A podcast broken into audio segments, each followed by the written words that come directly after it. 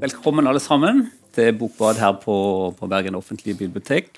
Mitt navn er Runo Isaksen. Jeg er forfatter og i tillegg forlegger for Teft forlag.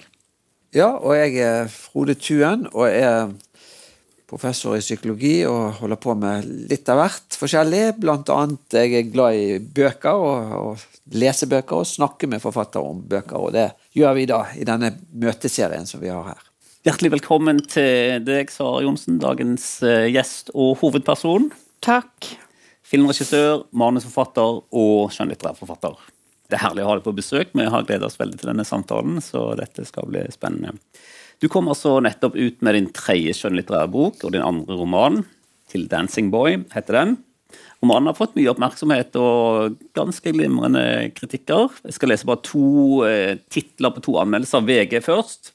Fascinerende og skremmende framtidsroman. Og så Dagbladet sin tittel, i kjent stil kanskje for Dagbladet. 'Ville sexfantasier'. Eh, jeg kan jo starte med å si at jeg syns at romanen din er sår, brutal, dystopisk og vrakker, frekk og ikke minst absurd og veldig morsom. I sentrum så møter vi Liss, eh, hennes mann Boje og deres felles datter Thelma, som blir 14 år i løpet av handlingen. Vi er i Oslo noen tiår fram i tid, uspesifisert, men i hvert fall et stykke inn i framtiden. Eh, virus, miljøkatastrofer har ødelagt demokratiet.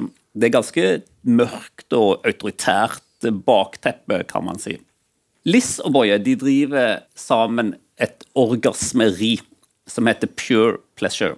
Eller ren nytelse på norsk. Og Her kan kundene få skreddersydd grenseløse seksuelle opplevelser og orgasmer helt uten menneskelig kontakt. Bare ved hjelp av sensorer og tekniske hjelpemidler. Og Jeg tror rett og slett vi skal starte akkurat der.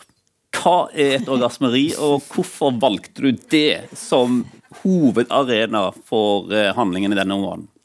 Eh, jeg kan jo si først at det var egentlig en idé til en TV-serie som jeg tenkte Det er så fint å se sånne TV-serier om relasjoner og mennesker, men hvor det er en location hvor de arbeider. Fordi da driver historien seg framover naturlig.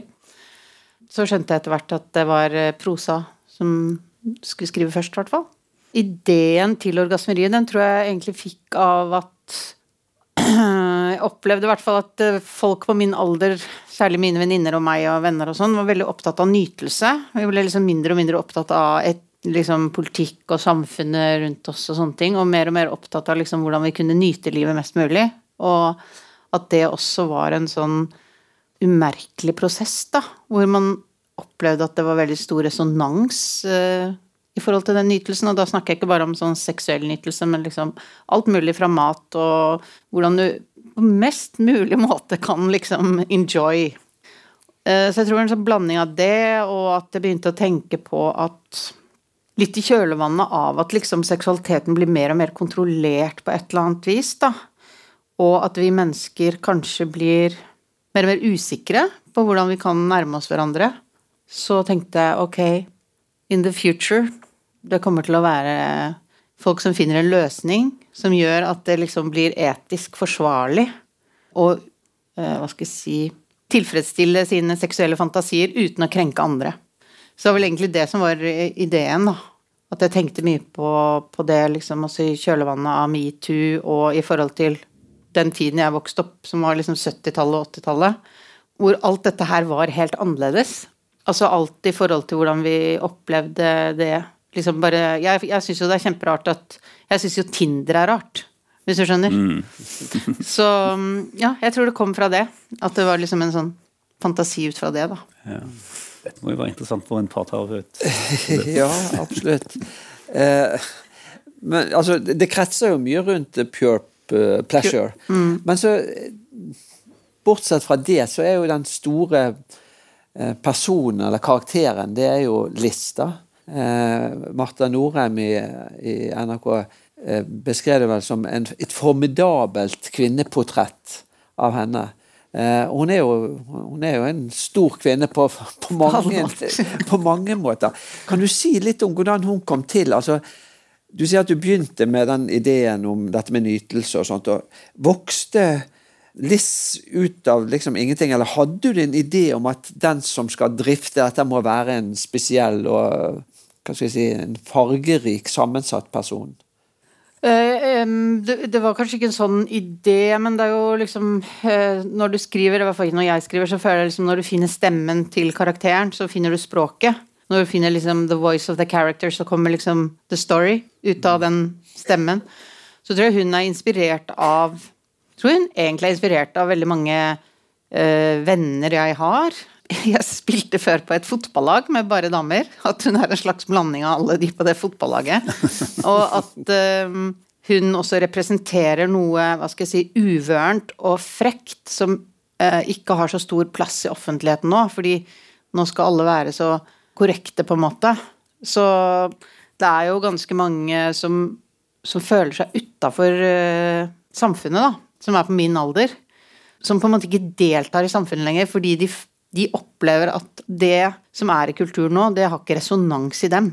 Så jeg hadde veldig lyst til å liksom løfte fram sånn at det som er med Liss Hun passer jo ikke inn. Selv om hun driver dette stedet, så, så passer ikke hun egentlig inn i det nye samfunnet. Da. Hun er liksom på en måte, som hun sier selv, en slags huleboer eller en sånn gammeldags person. Mm veldig mye av humoren eh, syns jeg ligger akkurat der. Mm. Hennes eh, tilpasning eller mistilpass eh, i samfunnet og hennes måter å se på. Men det har jo med klasse å gjøre. Mm. Så hun er ute på en klassereise og bor i et penere strøk enn hun pleide å gjøre med rikere mennesker. og hun mm. ikke helt hjemme der. Er dette, Ser du på denne romanen som en bevisst form for sånn samfunnskritikk, eller politisk, eh, er det en politisk roman? Jeg tenkte egentlig mer sånn satirisk. Mm. At den er en slags uh, satire over vår tid, lite grann, da. Mm. At uh, den prøver å sette noen spørsmål. Altså, den handler jo ganske mye om surrogati også. Mm. Og jeg syns det er interessant hele det med at kvinner på en måte skal eie og bestemme over sin egen kropp, og så hvor går grensen, ikke sant, uh, i forhold til ja, f.eks. surrogati, da.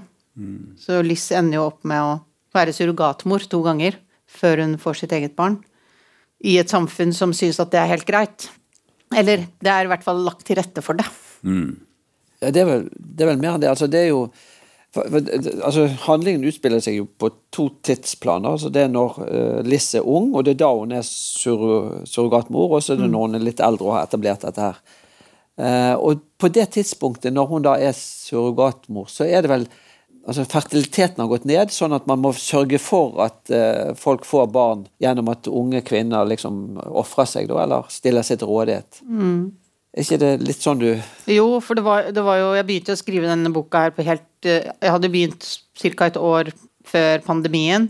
Og så når pandemien kom, de første ukene i, i pandemien, så var det jo en sånn følelse av undergang. Altså det er nesten så vi har glemt det nå, men det var jo på en måte når man trodde at korona kanskje var luftbårent, og så var det rykter om at vaksiner kunne gjøre deg infertil og alt mulig. Så jeg liksom Jeg begynte å spinne litt på det, da. At hva hadde skjedd liksom hvis det faktisk viste seg at vi fikk en generasjon som ikke kunne få barn, og hva skulle vi gjøre da? Så det er jo Det er jo lagt til rette for at det skal være, hva skal jeg si, så humant som mulig, da. Men spørsmålet er, kan man gjøre det humant?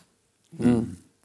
Mm. Det er noen, eh, det er noen sånn tematiske, om ikke kontraster, så i hvert fall ytterpunkter som jeg syns er veldig interessante. Det, når det gjelder orgasmeriet, så er det jo eh, klinisk, egentlig. Mm. For det, det, er ikke noe menneskelig kontakt. Du får festa noe på kroppen, mm. så har du en fantastisk seksuell mm. reise. Eh, så det er det kliniske liksom, å, å, kalle på en måte på, på den ene siden. Men på den annen side så er jo Liss en person som er veldig, altså, hun er veldig glad i sin datter, mm. selv om hun sliter med og, mm. og datteren forakter henne jo ofte, og ja. av mange gode grunner. og hun er jo egentlig glad i sin mann, ja. selv om de sliter big time. Og så, så, blir hun jo òg veldig fascinert for for en karakter som ikke er nevnt foreløpig, men Sigurd, mm. som er den personen mm. som dukker opp, som starter handlingen, han dukker opp mm. på orgasmeriet og er på jakt etter noe spesielt som har med en slags fetisj for natur, egentlig. Mm. Og, og, for den fjerde relasjonen er jo ikke minst Dancing Boy, som har gitt navnet til romanen, som er hennes mm. eh, første surrogatbarn, som hun gir fra seg, da, som hun bærer fram og gir fra seg mm. til et, til et rikt ektepar, og som hun lengter etter eh, hjertelig. Så hva tenker du om det i, i det der, eh, i disse, mellom disse ytterpunktene? Er det liksom handlingen foregår, men det kliniske rene um, På en måte um, ikke umenneskelig i negativ forstand, men ikke-menneskelige. Og det dypt uh, varme mellommenneskelige savn og, og begjær. Nei, jeg tror jeg liksom prøver å bare undre meg over, eller forske rundt det her med liksom, Kan vi mennesker ha interaksjon egentlig uten å Altså, hva skjer hvis vi Altså, våre relasjoner, hvordan blir de hvis vi får en stat og et samfunn Altså, styr, altså Norge styres jo av et, eh, et teknokrati. På grunn av at det, liksom, det har vært så masse pandemier og mye rot, så folk vil heller at det skal være sånn type styre. Og så er det et etisk råd som har veldig sånn stor kraft, da. Mm. At uh, Men det er jo noe med liksom Hva er den menneskelige naturen? Hva er det som bor i oss? Som mm. er i oss uh, rett og slett biologisk? Og hvor viktig er det? Og kan dere kontrollere, så kan dere ikke, uh, ikke kontrollere? Så Liss er jo absolutt en veldig hva skal jeg si biologisk styrt person. Og ja, hvor det egentlig an å frigjøre seg fra det. Mm. Og hva koster det å frigjøre seg fra det, hva taper vi, og sånne ting. Mm. Hvis det var svar på spørsmålet. Ja. Hvis jeg kan bare følge opp litt, ja. for, for, jeg syns òg at det med altså Svik er jo òg et sentralt tema i mm. romanen. Mm. Eh, og utroskap mm. eh, som ett et eksempel på, mm. på, svik. Og som Liss reflekterer en del over rundt sjøl, eh, mm. og bortforklare slash forklare. Eh, og det handler om hennes natur, sier du? Eller? Nei, men også hun sier jo selv at liksom 'jeg kan ikke la en lyst ligge urørt'. Ja. Og det tror jeg er ganske betegnende for hele den menneskelige rasen. Mm. Enten det gjelder vårt begjær etter å få noe nytt, utforske noe nytt, gjøre noe Vi vet jo at vi gjør utrolig mye gærent hele tida. Altså ikke bare sånn i forhold til relasjoner, men i forhold til hvordan vi mennesker oppfører oss. Og at det handler om at hun Ja, hun, hun er liksom drevet av noe som hun ikke har kontroll over, da, for mm. å si det sånn. Eller ikke tar kontroll over. Mm. Hun kunne kanskje tatt kontroll over det, men ja. mm. hun gjør ikke det. Nei. Hun velger å ikke gjøre det. Hmm? hun velger å ikke gjøre det. Ja, eller har hun et valg? Ja, det, det er spørsmål. det er spørsmålet. Men, men en tanke som slo meg eh, når jeg, Eller som slo meg når jeg liksom skjønte hva orgasmeriet er, da, så tenker jeg liksom Den interessant utvikling som vi har sett i, i, mange år, det er at folk har mindre sex nå enn tidligere. Altså Det har vært jevnt ned, nedadgående tendens. Mm. Også når man har sett på uh, masturbasjon, så har det steget enormt. Mm. Sånn at man har mindre og mindre sex med hverandre, og mer og mer sex med seg sjøl. Mm. Og dette her, orgasmeriet, er jo på en måte sånn Ta det enda et skritt videre. hvor at man Altså Man på en måte gjør det helt som du sier, sånn klinisk uh, rent for, for andre mennesker. da, på en mm. måte. Ja, og alt der er jo også animert. Altså det er, ingen, ja. det er absolutt ingen mennesker som er involvert i noe mm. av det de ser. De har jo visuell, auditive og sanseorganer som blir stimulert, men det er liksom ingenting. Ingen, ingen mennesker er involvert i det. Mm. Så Ja, nei, det er interessant. Jeg så en sånn reklame for uh, Hva heter det? Valentine's Day, som jo mm. egentlig ikke er noe norsk. Men uh, da var det også bilde av en, en, liksom en sånn uh, kropp, bukse og så et sexleketøy. Gode Valentine. Mm. Og det er jo på en måte sånn Ja. Det er jo noe som blir borte, da. Mm. No. Men, men, men var, altså, har det vært en slags sånn bevisst uh, hva skal jeg si, en slags samfunnskommentar, eller altså at fortsetter vi individualiseringen, så er det her vi ender, eller? Ja, men ikke, det, det, er ikke så liksom alvorlig tenkt, men, men ja, eller det er i hvert fall bare sånn tanker fra en over 50, hvis du skjønner. Som føler at uh, verden er veldig annerledes nå, og at ja. Mm. Hvor kommer det til å liksom gå videre? Mm. Og det kommer jo helt sikkert til å komme orgasmerier, det er jeg helt sikker på. Mm. Fordi det er It's almost there, liksom. Ja. ja. Eh, et annet tema som jeg tenkte litt på, som ligger litt i det farvannet som du var inne på, det med kanskje litt sin natur, skal vi kalle det det. Mm. Eh, for hennes jobb er jo bl.a. å designe, spesialdesigne disse programmene, som de kalles, for, ut fra kundenes behov. Og kundenes ja. behov kan jo være alt mulig. Ja. Veldig mye ulike fetisjer. Ja. Eh, alt mulig rart. Som hun designer. Hun lager det, og det, mm. det, det er liksom noe som må lages. Mm. Så sier hun et sted at fellesnevneren for alt hun har lagd, mm. alle disse programmene hun har lagd, fellesnevneren er overskridelse. Mm. Hva, hva, mener jeg med det? Hva, tenker, hva vil du utdype den litt? Nei, altså det må jo det- han vite mye mer om enn meg, da.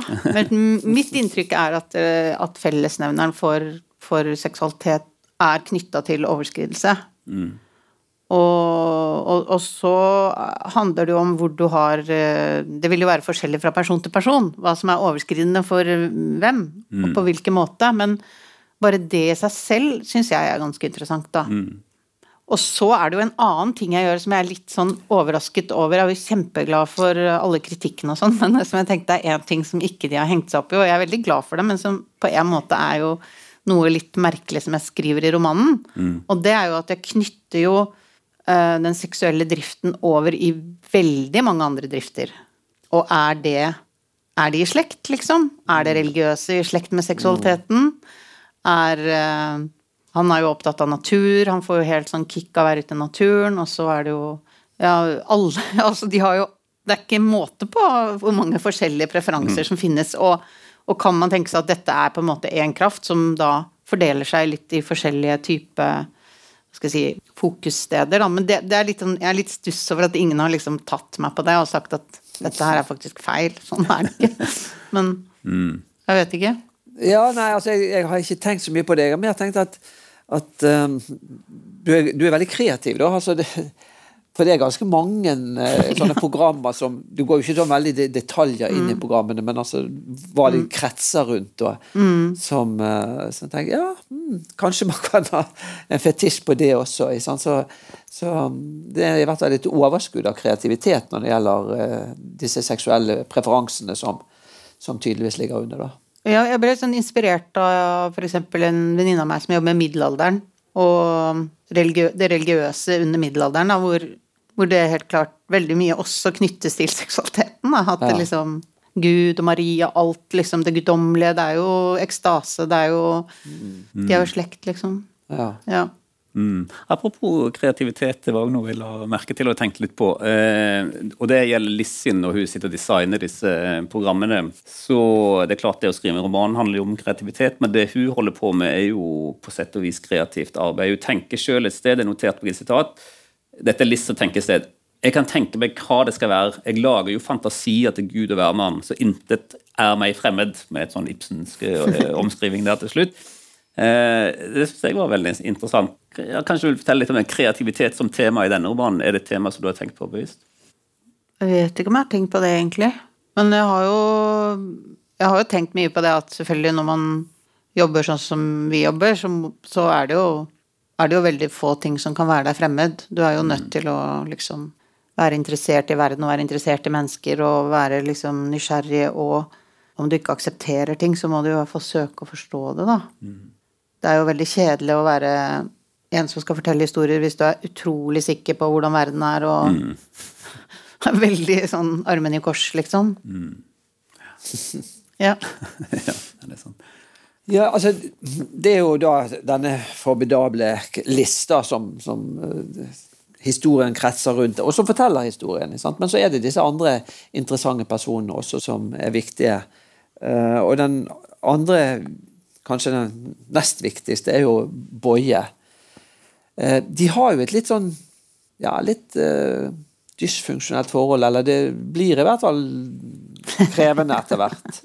Si litt om hvordan du tenkte, liksom det, det, Visste du at det er sånn det skulle være, eller var det noe som utformet seg etter hvert, eller utfoldet seg etter hvert som skri, historien skred frem?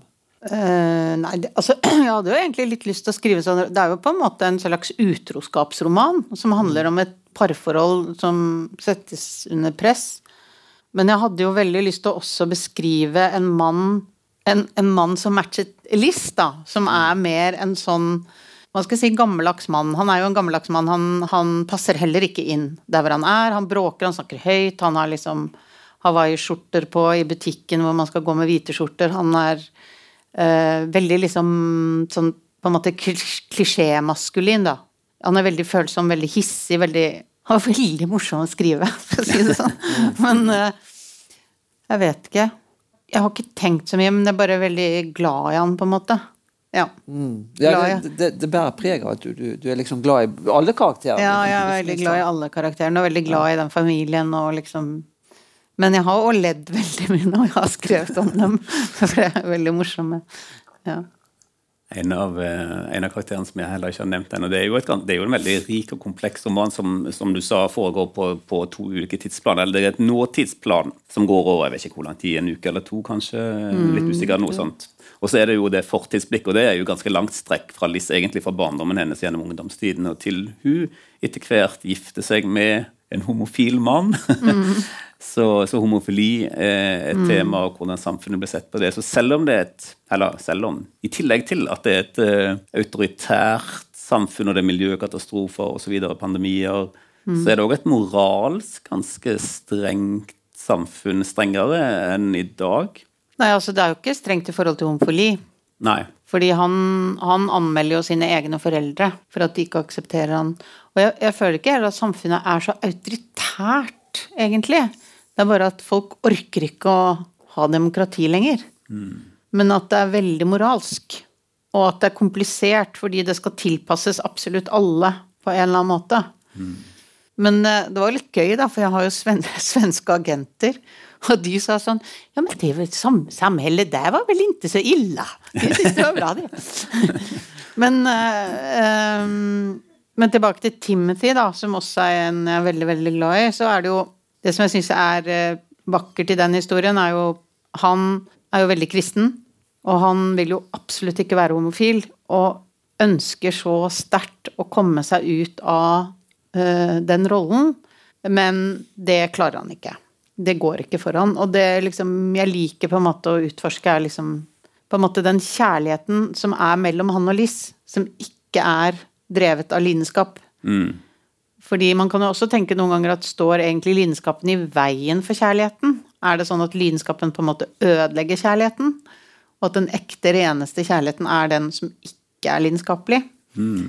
Så jeg tenker liksom at kjærligheten mellom Liss og Tim er jo veldig sterk, egentlig. Det er bare at til slutt så er det liksom umulig for dem å få det til. Ja, hun, er, hun er jo utro også mot Tim. Mm, ja. Ja. Hun er slem. Ja. Ja. Men det er vel noe med det da, at de der, altså alle behovene hun, hun nekter seg ingen behov, da, Nei. på et vis. Hun er jo ikke så innmari Altså, hun, hun er jo ikke så utrolig Altså, hun er jo veldig spesiell. Hun er jo sånn nesten to meter høy og veldig maskulin. Og Ja, og da har hun jo levd med Timmen ganske lenge uten at de er sammen, da. Så når hun da kommer opp til dette stedet hvor det er en sånn spansk, veldig pågående fyr, så gir hun etter for han. Men hun angrer jo fort, da. Ja. Det skal hun ha. ja. Et lite sidesteg, kanskje. Du er jo eh, eh, veldig, veldig kjent som, eh, som regissør òg, og som manusforfatter. Eh, og kjent for filmen Upper Dog, og nå sist ikke minst NRK-serien 22. juli, som gikk for et par år siden og fikk mange eh, Amandaer i 2020, var det vel. Du, var, du nevnte så vidt i starten, og jeg, jeg syns det er veldig interessant. Eh, hva er det, Når du ser på hele stofftilfanget her i denne romanen, hva var det som gjorde at du så at dette bør bli en roman og ikke en serie, som du var inne på tanken til at det kunne ha vært? Det kunne det vel ha vært? Ja, det, begynte jo faktisk som det. Men eh, det er eh, faktisk at eh, stemmen til Liss kom så veldig sterkt. Når jeg liksom begynte å skrive, så begynte hun å fortelle. Og det er så gøy med roman at du kan jo ha fortellerstemmen som ja, Så går du liksom bare inn i den karakteren, og så er du helt fri, egentlig. Og så kan den karakteren gjøre alt, og si alt, og bevege seg rundt. Mens Eh, og du kan Og så er det jo det her med Det kan godt hende at det blir en TV-serie, men det som er komplisert med det, er jo at det er eh, disse tilbakeblikkene. Mens i en roman er det mye lettere å skifte tidsperspektiver, og leseren er mye flinkere til å liksom eh, Ja, du kan liksom hvile i forskjellige steder i teksten. Mens i en TV-serie så selvfølgelig kan du ha flashbacks og sånn, men det er mye strengere regler for, eh, for fortellingen, da, på en måte. Og det er liksom, nå er, te, ja, nå er jo TV blitt litt mer åpent, men ofte er det jo liksom enten må du da skrive bolker i 45 minutter eller 60 minutter. Det må være seks episoder eller åtte, kan det bli en sesong to. Det er veldig masse regler. Mens romanen er fortsatt et av de få stedene hvor du kan være måte, veldig fri, da. Så jeg tror egentlig det var det at jeg følte at det stoffet hadde jeg lyst til å behandle helt fritt. I hvert fall i første omgang. Ja. For, for meg er det jo altså det er jo en veldig filmatisk roman roman Ja. Det er jo veldig scenisk. Eh, og jeg tenkte egentlig på, på en del av dine grep, sånn litt sånn film, klassisk filmatiske grep. Det er kryssklippingen. For det er jo det, de, de der parallelle historiene med nåtidsplanene og fortidsplanene. Det er jo det er ikke sånn at det kommer en svær bolk med nåtidsplan og så en svær blå. Det er jo liksom et par sider, og så er det tilbake mm. et par sider. Sånn, de, de klippes jo Du følger det ut to handlinger egentlig nesten parallelt.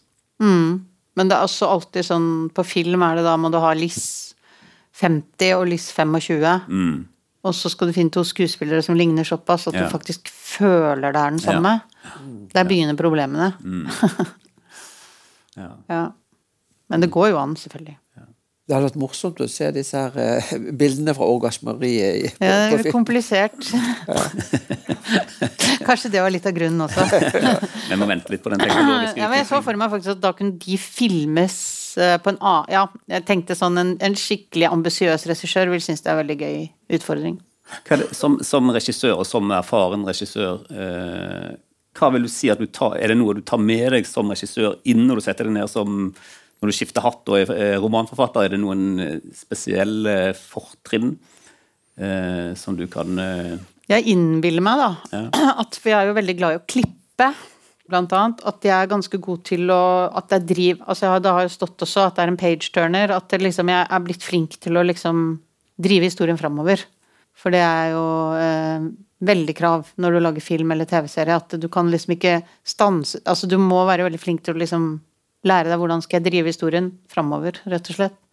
Så vel kanskje det, og at jeg ser jo også alltid for meg uh, scenene, og, også syns jeg det er veldig gøy å skrive dialog. Og det tror jeg man merker. Og det er jo veldig Det har jeg jo fra, fra film, filmen, da. At jeg syns det er veldig gøy å skrive dialog mellom folk. Te- Du nevnte jo dette med surrogati, at det var òg et tema som, som du var opptatt av, eller som du forfølger i, i boken. Og selv da i den, den tilbakeblikket da når Lisse er, ung. Hva tenker du om det, eller har du Altså, er det en kommentar til, til utviklingen, eller synet på surrogati i samfunnet, eller har du noen tanker i den Ja, sammenhengen? jeg har ikke noe sånn at jeg syns man Om nødvendigvis det er sånn eller sånn, men jeg syns det er interessant at Eller interessant, det er i hvert fall sånn at eh, kvinnekroppen blir jo sett på som om den skal være øh, Altså du skal kunne bestemme helt over din egen kropp. Inntil et visst punkt. Ikke sant? Fordi at når da et annet liv begynner å vokse inni deg, så tilhører det livet på en måte også samfunnet rundt deg. Og ja, jeg syns det er liksom interessant med kvinnekroppen, at den liksom alltid på en måte tilhører også tilhører samfunnet, på en eller annen merkelig måte. Og at uh, hvordan kommer man til å forholde seg til det i fremtiden, og er det noe vi burde liksom Altså, man så jo så grusomme konsekvenser av surrogati nå, i krigen i Ukraina. Når det ligger eh, 50 babyer som ingen får hentet. Ikke sant? Det er jo på en måte Også er det jo er den Finnes det erfaringer som er så spesielle at de, at de aldri på en eller annen måte skal bli en vare? Altså at du At du kan si at det, det å faktisk bære fram et barn, det er så Det er så spesielt at det skal ikke kunne være en vare. Men samtidig så må vel kvinnen få bestemme selv om hun har lyst til å Altså det er litt sånn Ja, jeg syns bare det er litt sånn sikkert noe som kommer til å bli diskutert veldig mye framover, tror jeg. Om, og det kommer sikkert til å bli tillatt også om 30 år, liksom, i Norge. Vil jeg tro. fra surrogati tilbake til humor, som jeg nevnte helt i starten. Det, og du nevnte dialog, at du jobber mye med dialoger, og det er selvfølgelig et veldig filmatisk eh, grep, kan man si. Men, eh, men hvordan jobber du med humor, og hvorfor jobber du med humor? Eh, Jeg synes jo, Det er kanskje ikke så veldig mange samtidsromaner som er så veldig morsomme, men din er absolutt det. Og Det er jo eh, Det skal du ha all honnør for. Men Jeg er faktisk veldig morsom. Ja, du er som person, Ja. rett og slett. Jeg tror det er det. Det er så enkelt. Nei da. Ja, men jeg tror faktisk at jeg er litt morsom. og Jeg syns det er gøy å være morsom, fordi det jeg syns er gøy med humor, er jo at du kan være frekk. Mm. Ikke sant? Og, og det er gøy å la Liss være frekk, fordi det er ikke min skyld hva hun sier, ikke sant. Så det er jo veldig sånn frirom, da, hvor du kan overraske deg selv nesten og le før du har skrevet setningen ferdig. Ja. Så jeg syns det egentlig er befriende å jobbe med, jobbe med en karakter som er så, så frekk, da. Hun er ganske frekk, datteren òg. Ja, datteren òg. Si, si litt om den relasjonen. Thelma, det er, jo, det er jo det barnet hun får med Boje, som er det barnet hun får beholde, og som hun elsker utrolig høyt. Og fra barnet blir født, er hun jo kjemperedd for at de skal ta henne fra. Hun har jo traume fra å gi fra seg de to hun har født før. Men Thelma er jo også et veldig overbeskyttet barn. Veldig bortskjemt. Og øh, veldig Hun er jo også ganske ja, spiseforstyrra og syns jo at moren og faren er veldig ekle, og det kan man jo forstå, som driver det orgasmeriet. Og de bor i en sånn gated community hvor alle andre er liksom perfekte, og de er bare en sånn nyrike nyrike folk med dårligere moral. Så, og Liss er vel på alder med meg, da. Sånn rundt 50. Og det er ikke heldig å være rundt 50 og ha barn som akkurat kommer inn i puberteten. Veldig dårlig miks. Overgangsalder og pubertet samtidig. Det er liksom omtrent like barnslige begge to. Så det, det er liksom energien mellom de, da. Men øh, ja, hun er jo utrolig glad i datteren. Veldig, veldig glad i datteren, og det er vel egentlig hennes viktigste speil. Altså, hun sier jo det at hvis det er en, et menneske på jorda jeg vil skal like meg, så er det Thelma. Og Thelma liker henne ikke. Men hun, hun liker henne egentlig, da. Ja. Jo da, det er jo, det er jo vakre scener mellom de òg. Så det, Ja. det er vel kanskje rett å si at du liker henne, egentlig. Mm.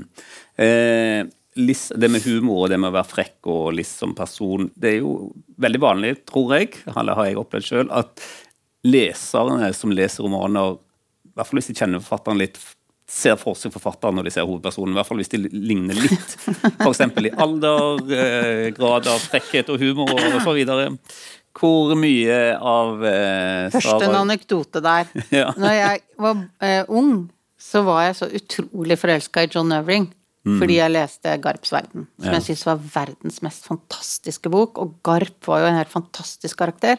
Og jeg så jo selvfølgelig for meg at John Irving var helt lik Garp. Og jeg ble så skuffa når jeg så han.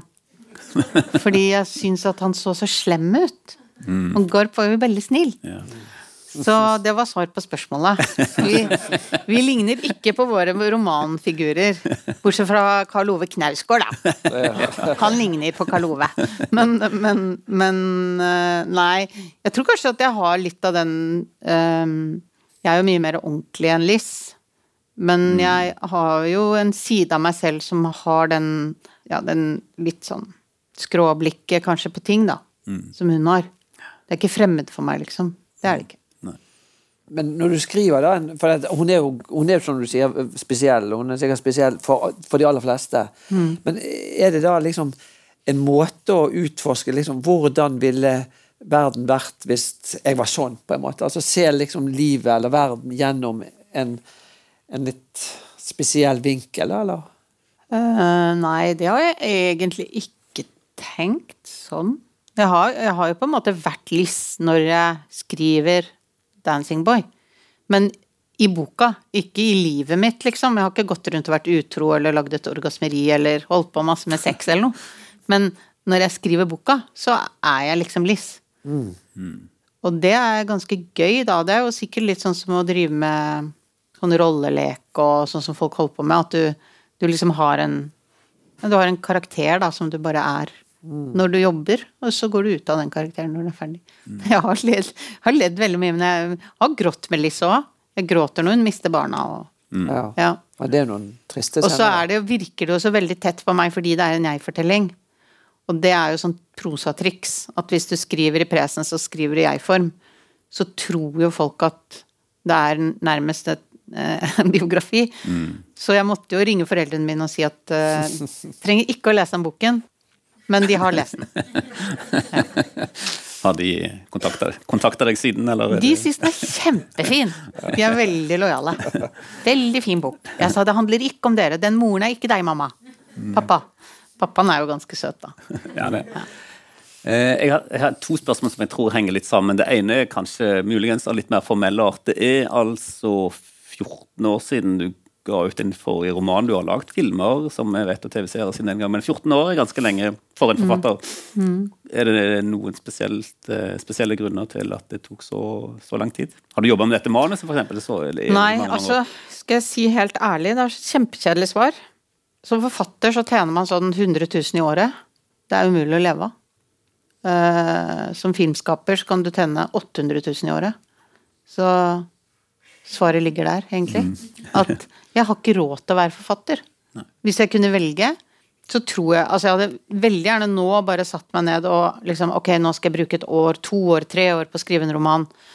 Og så, når du leverer romanen, så får du 110 000. Hvis man ikke selger masse, da. Men det, de fleste gjør jo ikke det. Mm. Så det er jo så vanvittig vanskelig å overleve som forfatter. Så det er grunnen. Ja. Og Det andre spørsmålet som jeg nå eh, tror henger litt sammen, det var at du har sannsynligvis jobba parallelt med dette manuset, som ble en roman som er ganske, eh, ja, som jeg har snakket om, temmelig frivolt og, og ekspansivt manus. Samtidig, altså parallelt med, med 22. juli-dokumentaren, kanskje, som er jo en veldig, som er et nasjonalt traume så, eh, har du jobba med det parallelt, og har, det, har, du klart å balansere eh, disse tingene? Jeg har ikke jobbet med det så veldig parallelt. Uh, altså Det var jo en fiksjon, den vi lagde, dramaserien, men mm. den var basert på mye research. Uh, men det var vel i slutt uh, Skal vi se, det var sommeren Altså Jeg lurer på om det var liksom litt under klippingen, da.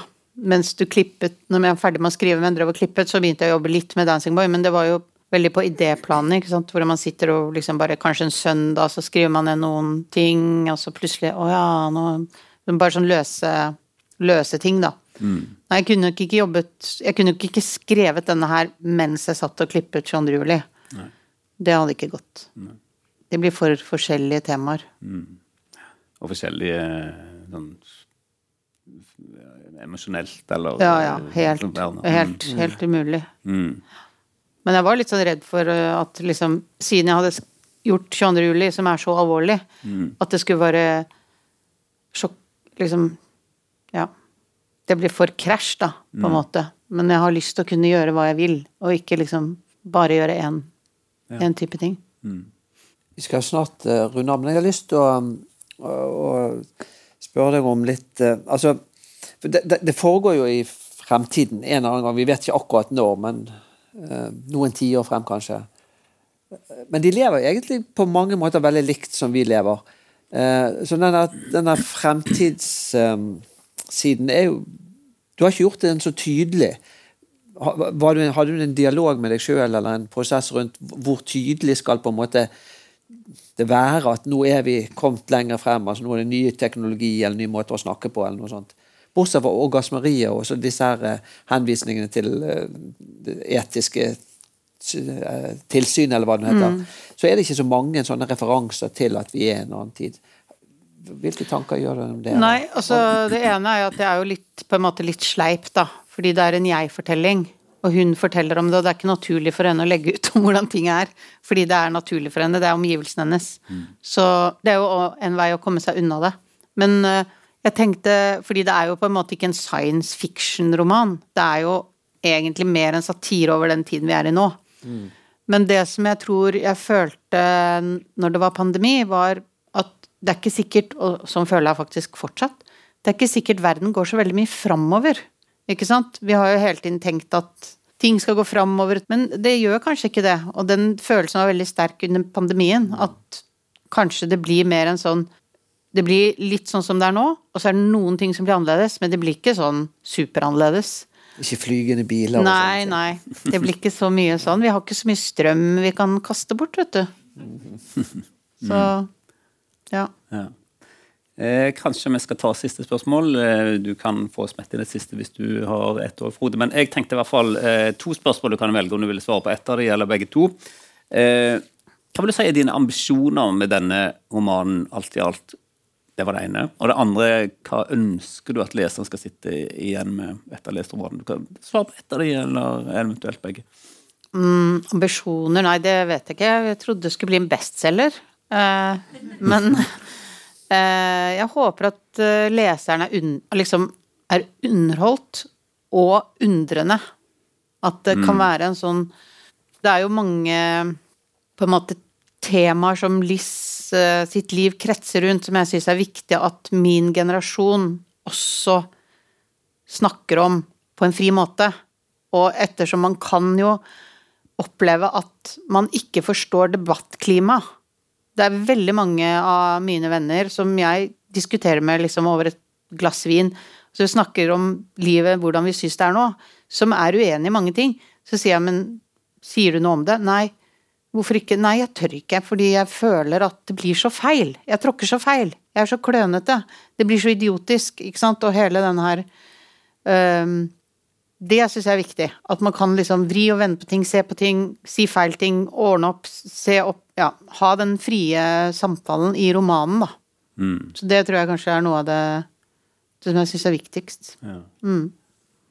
Hvis jeg skal ha et eh, siste spørsmål, så eh, altså tittelen eh, til um, 'Dancing Boy' um, Det er på en måte en sånn rød tråd, uh, men nå finner han aldri, eller kanskje jeg spoiler litt for mye? nå. Nei, du må ikke spoile noe. Nei, eller det kan være. Mm. Men ja, si litt om det. Sånn, hvorfor ble den tematikken så viktig at den ga tittel til boken? Det som er at jeg, det kommer til å eh, Altså, boka er til.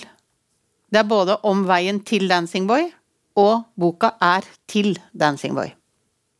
Det er hennes bok til han. Så det er tittelen. Så på engelsk blir det da For Dancing Boy. Ja. Nevnte du det fordi den er på vei til å bli oversatt til engelsk? Ja, nei, den er, den er jo nei, nei, men jeg skal faktisk på tysk og dansk. Da Ah. blir det Fyr Dancing Boy. Nei, men Så bra. Gratulerer med det.